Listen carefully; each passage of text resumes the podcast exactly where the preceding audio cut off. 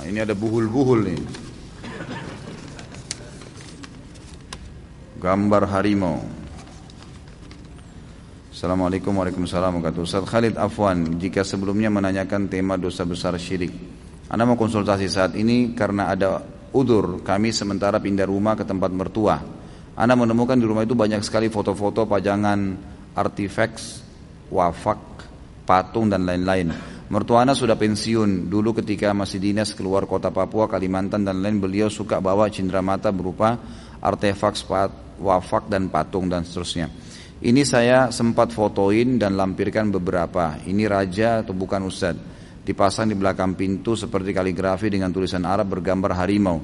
Ana mau cabut namun sama istri nggak boleh alasannya ini bukan rumah kamu. Kamu di sini kan numpang. Ana harus bagaimana Ustaz? Perlukah dilakukan rukia? Yang jelas kalau saya lihat ini bagian daripada buhul ya. Ini bagian daripada buhul dan ini yang sudah sering dilakukan oleh mereka. Jadi tidak pernah Nabi SAW menganjurkan kaligrafi ditulis seperti gambar macan begini, gitu kan? Dan ini memang butuh waktu untuk dibaca ya.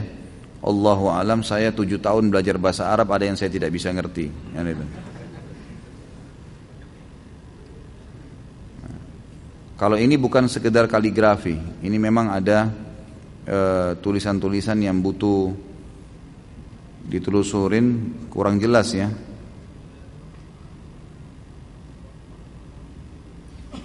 Ya, tapi umumnya gambar-gambar seperti ini gambar pedang di dalamnya ada tulisan, gambar hewan seperti ini ini bagian daripada buhul-buhul.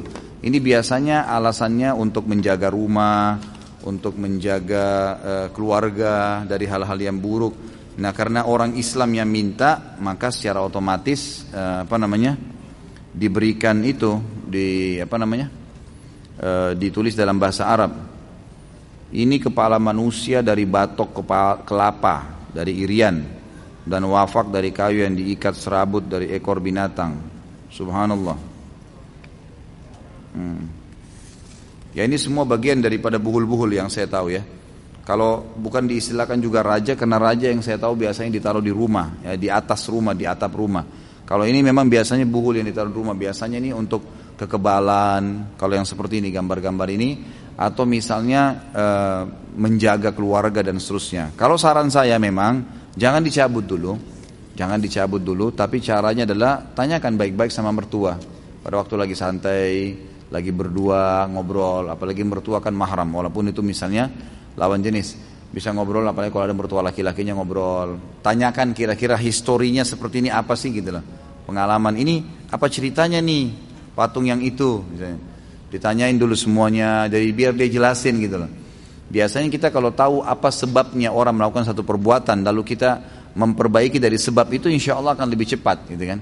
Setelah dia jelaskan semua Tinggal dilihat sekarang uh, apa alasannya. Kalau mungkin cuma sekedar cendera mata dia nggak ngerti, itu lebih mudah tuh. Tapi kalau dia tahu, dia yakin ini punya kekuatan, nah itu yang butuh sedikit ya. Sesuatu yang intens. Tinggal dilihat uh, beliau ini seperti apa sih? Terima masukan atau tidak? Atau mungkin hobi baca buku ya, itu bisa. Kalau hobi baca buku tepat kita dikasih buku rumah-rumah yang tidak dimasuki malaikat yang sering saya bawa tuh. Itu insya Allah bisa diberikan gambaran kalau tidak, maka uh, dia yakin untuk punya kesaktian dan segalanya bisa dikasih buku membongkar praktik sihir dan perdukunan. Sudah pernah saya kasih lihat juga bukunya kecil harga 12 sampai 15 ribu rupiah diperlihatkan kepada uh, mertua tadi. Sambil didoakan tentunya.